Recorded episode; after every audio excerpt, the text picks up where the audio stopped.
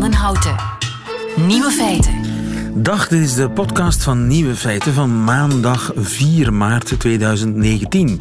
In het nieuws vandaag dat het meest herkenbare koersgeluid vervangen is door het meest herkenbare koersgeluid.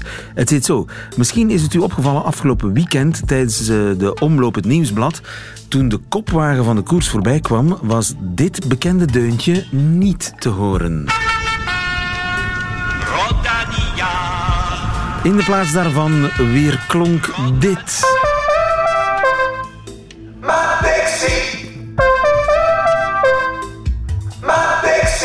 Na 50 jaar neemt Matexi de fakkelen over van Rodania en dat maakt dus geen enkel verschil. De andere nieuwe feiten vandaag. Heeft u last van bedwansen? Dan komt Dominique langs met zijn bedwansen speurhond. Beroering in Frankrijk over de hoofddoek voor joggende moslima's.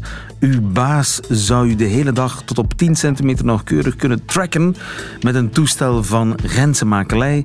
En de orgasmekloof blijft gigantisch. De nieuwe feiten van Nico Dijkshoorn hoort u in zijn middagjournaal. Veel plezier. Nieuwe feiten. Hallo.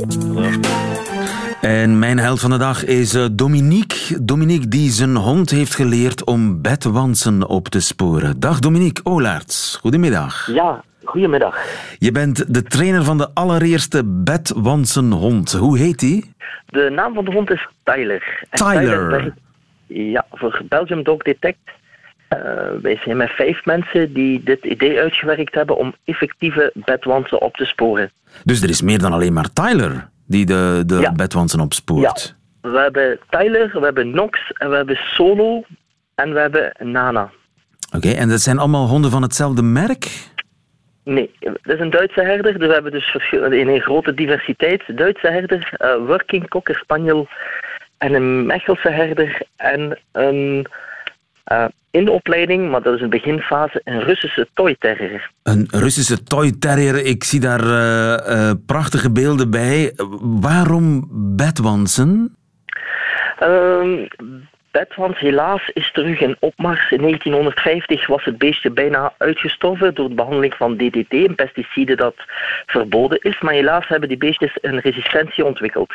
Door het feit dat reizen nu goedkoop is en iedereen eh, leuke citytrips kan veroorloven nu, nemen de mensen ongewild deze eh, beestjes mee eh, via hun gedragen kleren of bagage. Waardoor dat er een, een enorme opmars is van, van die beestjes zowel bij particulieren als in de hotels. Ook bij ons, ook bij mensen thuis. Bij mij thuis, Ook mijn bed zou vol thuis. bedwansen kunnen zitten. Nee, dan had u daar tekenen van, dan had u eh, beten, verschillende beten. Dus mensen krijgen eerst klachten. Men gaat eerst uit van een spinnenbeet of van eh, muggenbeten. Maar als die ze blijven aanhouden, mensen gaan dan zelf eerst eh, aan de slag met pesticiden tegen de gewone vliegende insecten of kruipende insecten. Maar dat doet niets af. Bedwansen zijn daar resistent tegen en krijgen dus verschillende klachten. Mensen gaan dan zo ver dat ze naar de dermatoloog gaan, omdat ze niet kunnen achterhalen wat er dan scheelt. Gaan dan opzoeken op internet en komen dan heel vaak zelf tot de conclusie dat het eventueel bedwansen konden zijn. En kun je die diertjes zien? Helaas zijn die master in verstoppen en zie je daar enkel alleen tekenen van indien je een hele grote infestatie hebt. En dan ben je ondertussen al eh, redelijk goed opgegeten door die beesten. Ja, als het er echt heel veel zijn, dan ga je ze zien. Dan ga je de sporen zien. Je gaat de beesten nog niet zien. Ze houden niet van licht. Ze houden van hele enge, smalle eh, spleetjes. Liefst hout. Dus geen metaal of steen. Liefst ook de binnenmuren. Eh, neem maar eh, elektriciteitsdozen daarachter. eh boksprings, ideaal habitat voor de bedwans. Ah, maar ik, dacht dat ze dus alleen in de matras zaten. Maar dat is dus niet Nee. zo. Absoluut niet. Indien je een grote infestatie hebt en je hebt zelf dingen ondernomen. Sommige mensen gaan zelfs illegale dingen ondernemen, pesticiden die dat verboden zijn, maar die wel effectief zijn tegen de bedwansen, dan gaan ze het verplaatsen. Ze kunnen zodanig verplaatsen dat ze zelfs in elektriciteitsleidingen kunnen zitten. Waardoor je dus onmogelijk met die pesticiden of met een warmtebehandeling, eh, die dat heel effectief is tegen de bedwans, Ja, ja. Eh, maar, maar komen die dan eh, vanuit die leidingen gekropen, s'nachts, in mijn bed om mij te bijten? Ja, Uh, een heel droevig verhaal, want heel veel mensen, het is, is een heel groot psychologisch effect ook op de mens. Omdat uh, ik ben onlangs bij een vrouw geweest in het Brusselse, een alleenstaande dame met een baby. En die zei, ik word gek, zegt ze, want ik uh, zie de bedwansen s'nachts als ik het licht aandoe over mijn baby kruipen, maar ik vind ze niet. Hier in dit geval kroop de bedwans via de lichtschakelaar door de leiding, liet zich uit de lamp vallen. Dat was een grote papieren uh, luchter en via dat systeem, net als een teker laat vallen, liet de bedwand zich vallen. Op het de, is, het is een, een nachtmerrie, hè? Als je die dingen hebt, is het een nachtmerrie. Gelukkig kan je voorkomen dat je die dingen mee naar huis neemt. Aha. Dat is het goede nieuws. Ze zijn niet snel, ze zijn niet inventief, ze leven niet graag op mensen. Gelukkig, dus niet gelijk een, een vlo of een luis die dat uh, ons niet alleen als gastheer, maar ook als uh, transport. Ja, en, en, en dus, wat doe ik als ik uh, op reis ben geweest? Als je op reis bent geweest, je zet je bagage, je schoenen en je kledij niet op de grond, niet in, het buurt, in de buurt van het bed. Je gedragen kledij, die je op, toch op de grond hebt laten slingeren, die gooi je in een plastic zak. In die plastic zak steek je alles wat je gedragen hebt. Je bagage, als je kan, zet je in het bad van het hotel. Of op de ezel, die men zegt, zo'n schaar, waar je bagage van de grond kan zetten. Daar zet je die in. Kom je thuis, steek je alles in een plastic zak. Als je kan, in de diepvries. Min 18 graden, langer dan 4 uur. En alles is dood, ook de eitjes. Heel vaak gebeurt het dat mensen de eitjes mee naar huis nemen. Uh, het duurt in 6 à 10 dagen eer dat die uitkomen. Dus de bedwans kruipt over de kleren, kruipt over de bagage of over de backpacks, legt daar dan de eieren in en uh, die eitjes die komen uit. Jeetje, ik begin jeuk te krijgen als ik jou zo bezig hoor, Dominique. Maar als ze dan toch in mijn huis zitten, dan kom jij met je hond. En die hond vindt die bedwansen en wat dan? Dan heb ik slechts nieuws voor u. Dan moet je een gerenommeerd pestcontrolebedrijf, dus ongediertebestrijdingsbedrijf, contacteren die u gaat begeleiden om van uh, deze wansen af te komen. Ja. Het is niet eenvoudig. Ga alsjeblieft niet zelf aan de slag. Je gaat alleen zorgen dat ze zich verplaatsen. En uh, heel veel mensen, bedwansen kunnen niet tegen warmte. Vanaf 60 graden gaan ze dood. Dus daarom ook uw gedragen kledij en zo verder was op 60 graden dood zowel het ei als de bedwans als de nymfen. Ja, dus niet zelf aan de slag gaan, maar de eerste stap ja. is uh, jij die langskomt met die hond om precies te ja. lokaliseren waar ze hun tenten hebben opgeslagen. Waar ze zich bevinden en of het effectief bedwansen zijn. Er zijn natuurlijk ook nog andere insecten die kunnen beten veroorzaken. Ja, dus om dit uit te sluiten nemen wij de hond ook om de locatie te vinden waar dat de bedwansen ja. zich, zich, bevinden. En dus je hebt die honden ja. gewoon getraind op de geur van bedwansen? Op de pheromonen die dat de bedwansen afgeven. Dominique Olaert, mag je veel succes wensen. Dankjewel, goedemiddag. Oké, okay, dankjewel. Nieuwe feiten. Coucou de France. Met Alex Visorek. Ja, en hoe kunnen we de maandagblues in dit verzopen land beter verdrijven dan met Alex Visorek, mijn Frans en collega. Goedemiddag, Alex. Goedemiddag vanuit Parijs, lieve Parijs, dat deze week ook in 50 tinten grijs is gekleurd. Hoe zalig was het toch om wat zomer te kunnen ervaren vorige week. Iedereen kon buiten sporten, enfin, Bijna iedereen. Bonjour et ravi de vous retrouver pour cette édition du 13h à la une ce mardi. Une tenue qui fait polémique. Decathlon va vendre un hijab pour les femmes musulmanes qui veulent courir tout en cachant leur nuque et leurs cheveux. Oh là là! De opening van Le 13 Wat een ophef, lieve Decathlon waagde het om een hoofddoek voor joggende moslima's te verkopen. Joggende moslima's, dat is dan eigenlijk de nieuwe versie van de uh, Burkini-polemiek. Ja, misschien komt het door de klimaatverandering, maar de zomerpolemiek komt nu in februari aan bod. Op maandag maakte de Franse keten het bekend. Wij willen sport toegankelijk maken voor alle vrouwen van de wereld, om het even wat hun cultuur is. Maar veel Fransen willen dat niet, en daarvan is minister Agnès Buzyn. Non, ma position, c'est que j'aurais préféré qu'une marque française euh, ne promeuve pas voilà, le, voile. Après, il est évidemment permis. Il est permis, het is legaal, het mag. Ja, Dat is het probleem. Het is legaal. De Franse wet verbiedt alleen maar kleren waarmee je het gezicht niet ziet. Dus is een hijab wettelijk geen probleem. Maar politiek gezien wel. Uiterst rechts politici willen niet dat binnen een paar maanden alle Franse vrouwen met een hijab moeten joggen.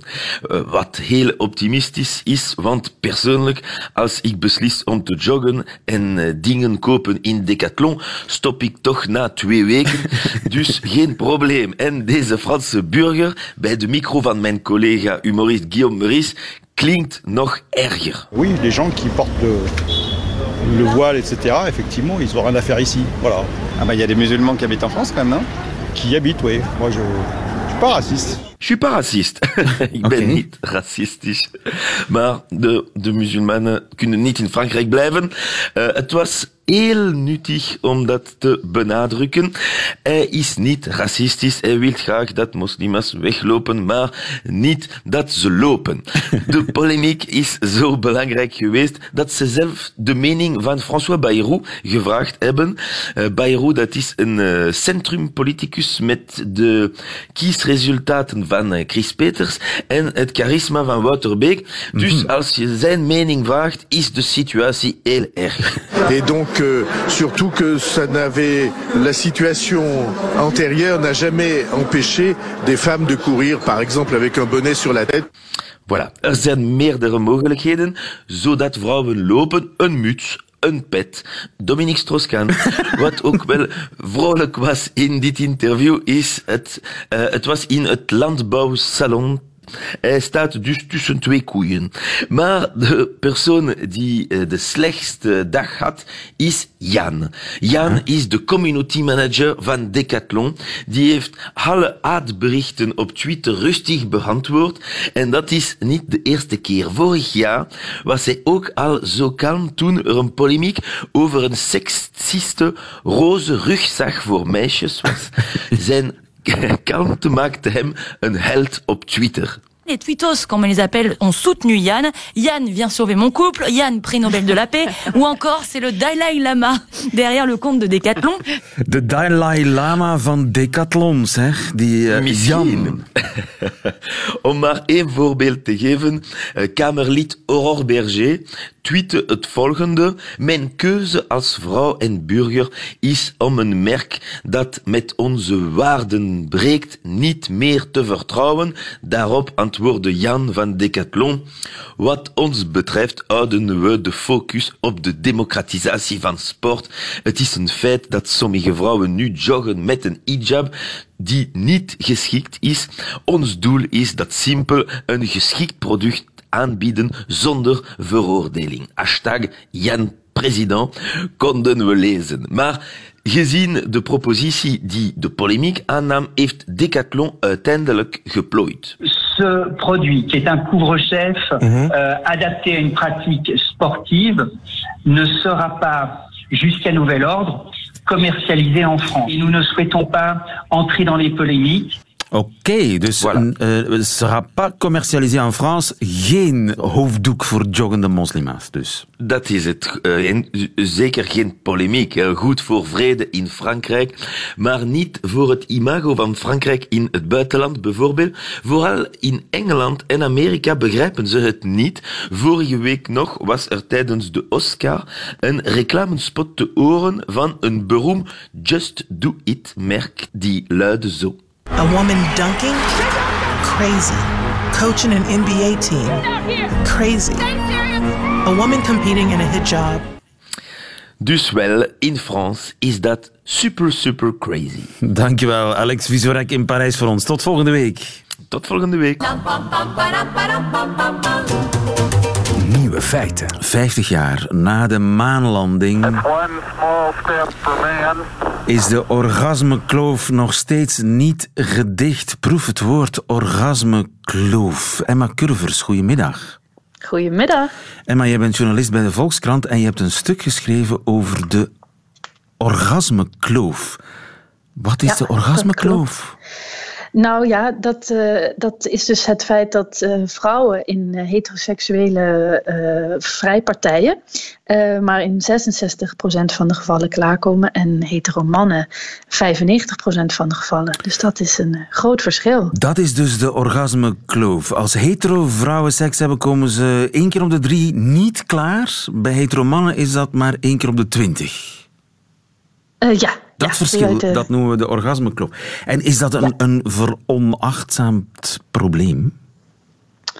Um, ja, zou je kunnen zeggen. Al denk ik dat er nu wel veel uh, meer aandacht voor komt. Dus ik zie het, uh, ik zie het zonnig in. Uh, ik denk dat er veel aan te verbeteren valt. En, en dat veel mensen er op een moment mee bezig zijn om te kijken hoe we dat kunnen doen. Dus maar lange tijd is daar, want ik zei het al, 50 jaar na de maanlanding. Dus we kunnen naar de maan, maar we kunnen ja. vrouwen niet doen klaarkomen. Daar komt het eigenlijk op neer. Ja, nee, niet, ja, nee, niet zo best inderdaad. Maar, maar er zijn wel veel uh, factoren die daarin een rol spelen. Dus ik, uh, ik, ben, ik, ik, ik, ik begrijp het wel, laat ik het zo zeggen. Maar waar ligt het aan? Ligt het aan de man of ligt het aan de vrouw? Oh nee, zo zou ik dat niet zeggen hoor, dat het aan de man of aan de vrouw ligt. Ik, ik, neem, ik ga ervan uit dat, dat, dat al die mannen ook uh, hartstikke welwillende uh, partners zijn en, en het leuk vinden als hun vrouwen klaarkomen. Het is alleen voor vrouwen vaak uh, wat gecompliceerder. Um, je zou drie oorzaken aan kunnen wijzen voor die orgasmekloof eigenlijk. de eerste is, en dat is eigenlijk de allerbelangrijkste, dat is dat er vaak te weinig aandacht is voor de clitoris. Aha. Dat is heel erg belangrijk. Uh, veel mensen weten wel dat dat een bijzonder leuk uh, apparaatje is dat daar zit. Um, maar eigenlijk, het is in veel sterkere mate van belang dan mensen aannemen. Eigenlijk maar één op de vier vrouwen kan klaarkomen van alleen penetratie. Dus dat is erg weinig. Terwijl veel mensen eigenlijk wel aannemen dat dat uh, vrouwen tot grote hoogte zou moeten brengen. En veel mannen vooral denken dat. Ja, veel vrouwen en mannen inderdaad. Het, het speelt een hele grote rol in, in onze cultuur ook. Hè, dat, dat, ja, penetratieseks, daar draait het allemaal uh, om. Terwijl seks natuurlijk uit, uit veel meer bestaat. En voor vrouwen dat ook uh, heel belangrijk is om een orgasme te kunnen bereiken. Er is ook onderzoek naar gedaan. Hè? Dus uh, uh, lesbiennes die komen eigenlijk veel vaker klaar dan hetero vrouwen.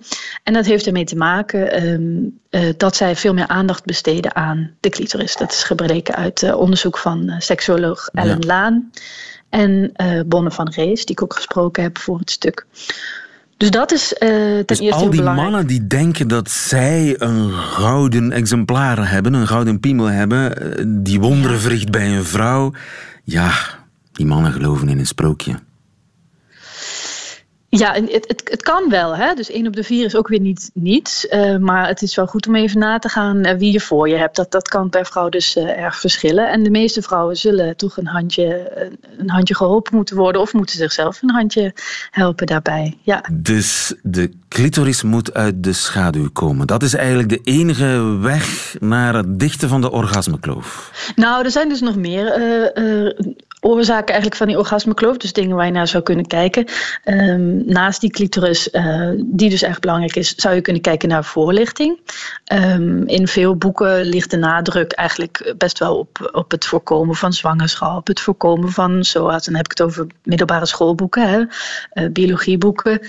Um, er zijn inmiddels wel methodes die daar wat uh, vooruitstrevender in zijn, maar er wordt eigenlijk weinig aandacht besteed aan genot voor de vrouw. Dat werkt eigenlijk um, in, in bepaalde zin net zoals bij een man. Hè. Vrouwen krijgen ook een soort erectie. En die is zelfs nodig voor hen om uh, te kunnen genieten van seks. Ze moeten opgewonden zijn, ze moeten nat zijn. En dat wordt eigenlijk weinig belicht in biologieboeken. En dat is best wel heel jammer als je bedenkt dat uh, pijn bij seks een heel veel, komen, veel voorkomend probleem is. Zeker uh, bij jongeren.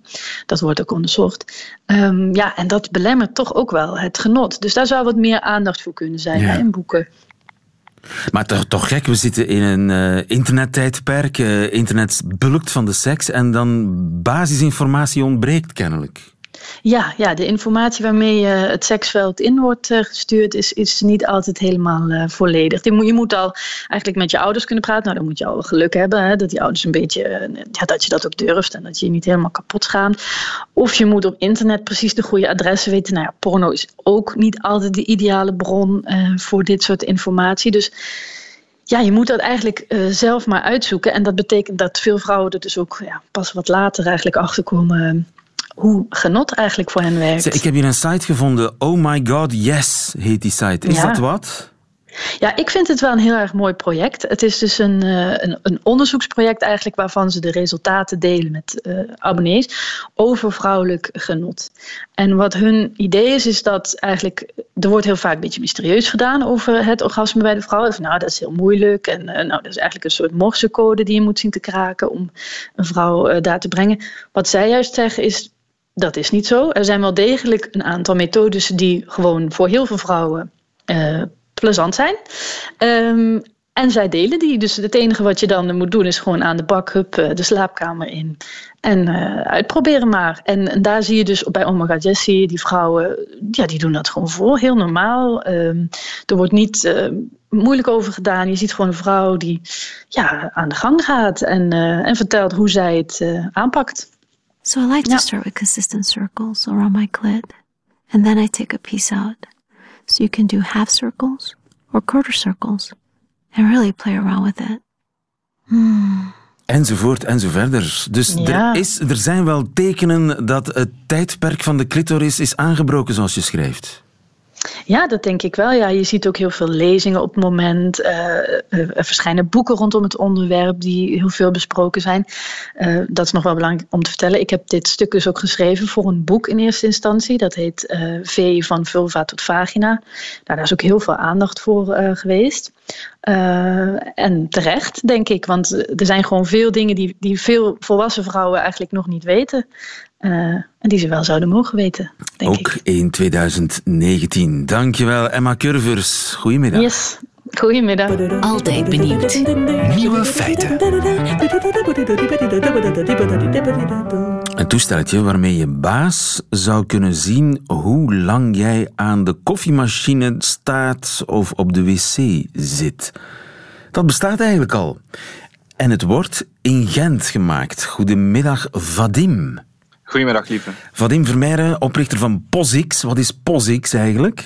Uh, POSIX is een uh, innovatieve start-up die eigenlijk toespitst om uh, zeer nauwkeurige plaatsbepalingssystemen in de markt te zetten. Zeer nauwkeurig. Hoe nauwkeurig? wij kunnen assets, mensen, tot op 10 centimeter nauwkeurig traceren. Tot op 10 centimeter nauwkeurig. En werkt dat binnen of buiten? Uh, we zijn vooral toegespitst op uh, indoor-technologie, omdat ja, binnen hebben we geen plaatsbepalingssysteem. Iedereen kent GPS, maar dat werkt enkel buiten. En de missing link was eigenlijk een plaatsbepalingssysteem voor uh, binnen. En dat werkt niet met de GPS. Hoe werkt dat dan wel? Um, het werkt uh, op basis van draadloze signalen. Het is een technologie die heet ultra-wideband. En die laat toe om eigenlijk de afstand tussen zender en ontvanger zeer nauwkeurig te meten, tot op enkele centimeters eigenlijk. Dus je moet die ruimte dan uitrusten met zendertjes? Ja, klopt. Dus net zoals dat er bij GPS satellieten in de lucht hangen, heb je ook in ons systeem infrastructuur nodig. Wij noemen die ankers. En die plaats je in de ruimte en die pikken dan eigenlijk op uh, de signalen op die worden uitgestuurd door de zenders. Aha. En dus die zendertjes die worden gedragen door het ding of de mens die je wil positioneren? Ja, klopt. En zijn dat dan trackers om mensen te positioneren? Bijvoorbeeld hoe lang ze bij een koffiemachine staan? Wel, voor ons maakt dat op zich niet veel uit. We zijn vooral gebaseerd om de technologie zo goed mogelijk te maken, zo robuust mogelijk te, uh, te maken. Het device is ongeveer een, een 2 euro muntstuk. Dus het kan zowel door mensen gedragen worden of op een forklift geplaatst worden of aan koeien gehangen worden of uh, noem maar op. Maar dus in theorie zou het dus kunnen dat de baas een groot scherm op zijn bureau heeft staan en van elk personeelslid kan zien waar hij precies is. Dat zou kunnen, maar zo'n klanten hebben we tot op vandaag uh, nog niet. Aha. En wie zijn dan wel je klanten? Um, we hebben klanten in, uh, wereldwijd. We leveren in ongeveer 60 landen. En dat gaat van entertainment, uh, door het tracken van cards bijvoorbeeld, of in paintball, tot in agriculture, waar dat we dieren trekken om productiviteit te verbeteren. Uh, tot in warenhuizen, waar we uiteindelijk productiviteit van uh, forkliften gaan optimaliseren. Ah ja, dus je specifiek... forklift om te zien hoe, hoe efficiënt ze hun werk doen. Uh, Klopt, koeien? Wa wa waarom hebben koeien een, tracker in de stal nodig?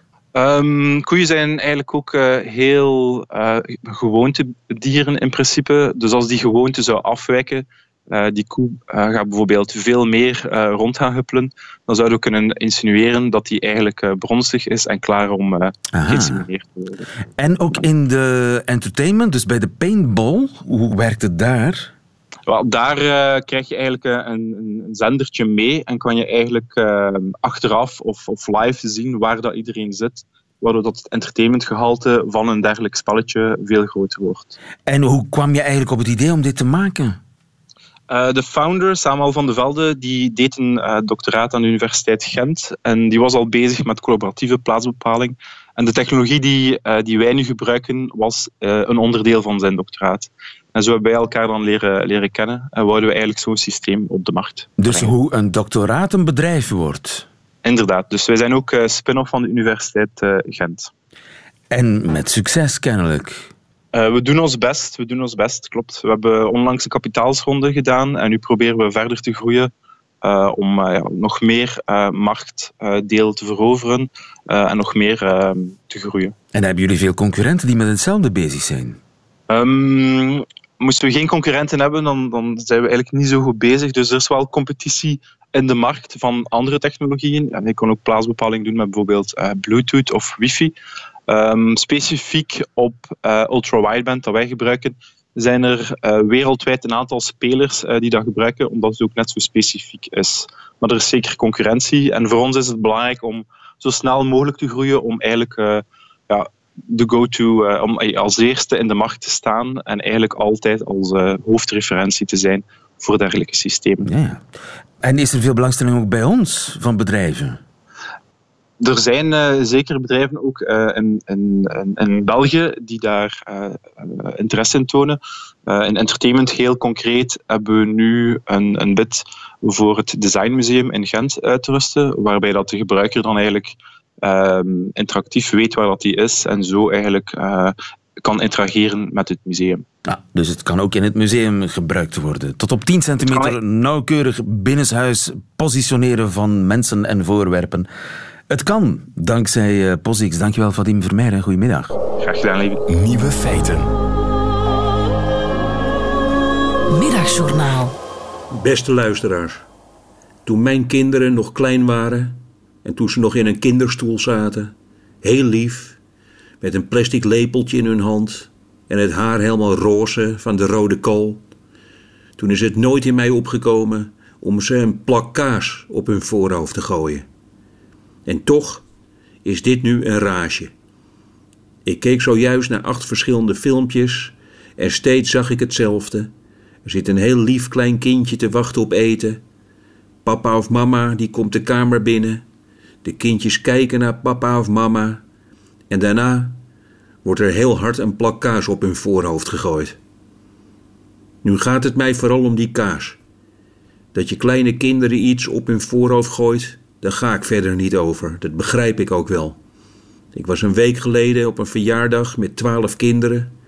Die om mij heen vochten, krioelden, schreeuwden en huilden. En toen dacht ik na een kwartier: zal ik een hele pan koude kippensoep over ze heen gieten. Maar kaas, daar heb ik geen moment aan gedacht. Ik vind kaas helemaal niet voor de hand liggen om mee te gooien.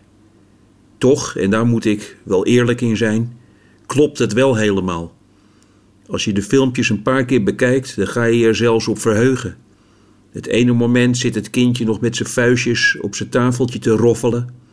En het volgende moment kijkt hij of zij verbijsterd in de camera met een plak emmentaler op het voorhoofd. De kaas waarmee wordt gegooid is niet een stuk van anderhalve kilo, maar van die voorverpakte plakjes kaas waar je het plakkerige plastic nog vanaf moet trekken. Ideaal om mee te gooien. Het blijft ook op muren plakken of aan het plafond. Ik heb die kaas, en dat is heel dom, altijd netjes opgegeten. Maar dat gaat veranderen. Ik ga vanmiddag zes plakjes kaas kopen en dan maar eens kijken wie ik op zijn voorhoofd ga gooien. Morgenavond word ik geïnterviewd door Matthijs van Nieuwkerk over mijn nieuwe boek en ik sluit helemaal niets uit. Eerst zijn vragen afwachten, luisteren en dan als antwoord, pang, een plak goudse kaas op zijn voorhoofd. Of, luisteraars, ik pak het wat sentimenteler aan. naar een bejaardentehuis, vragen aan de oudste bewoner waar ze nu echt naar verlangt. En dan, als ze nadenkt, haar favoriete plakkaas op het voorhoofd werpen. Ze zal zich weer even drie jaar oud wanen. Ik tover vanmiddag met een plakkaas een oude vrouw, 75 jaar jonger.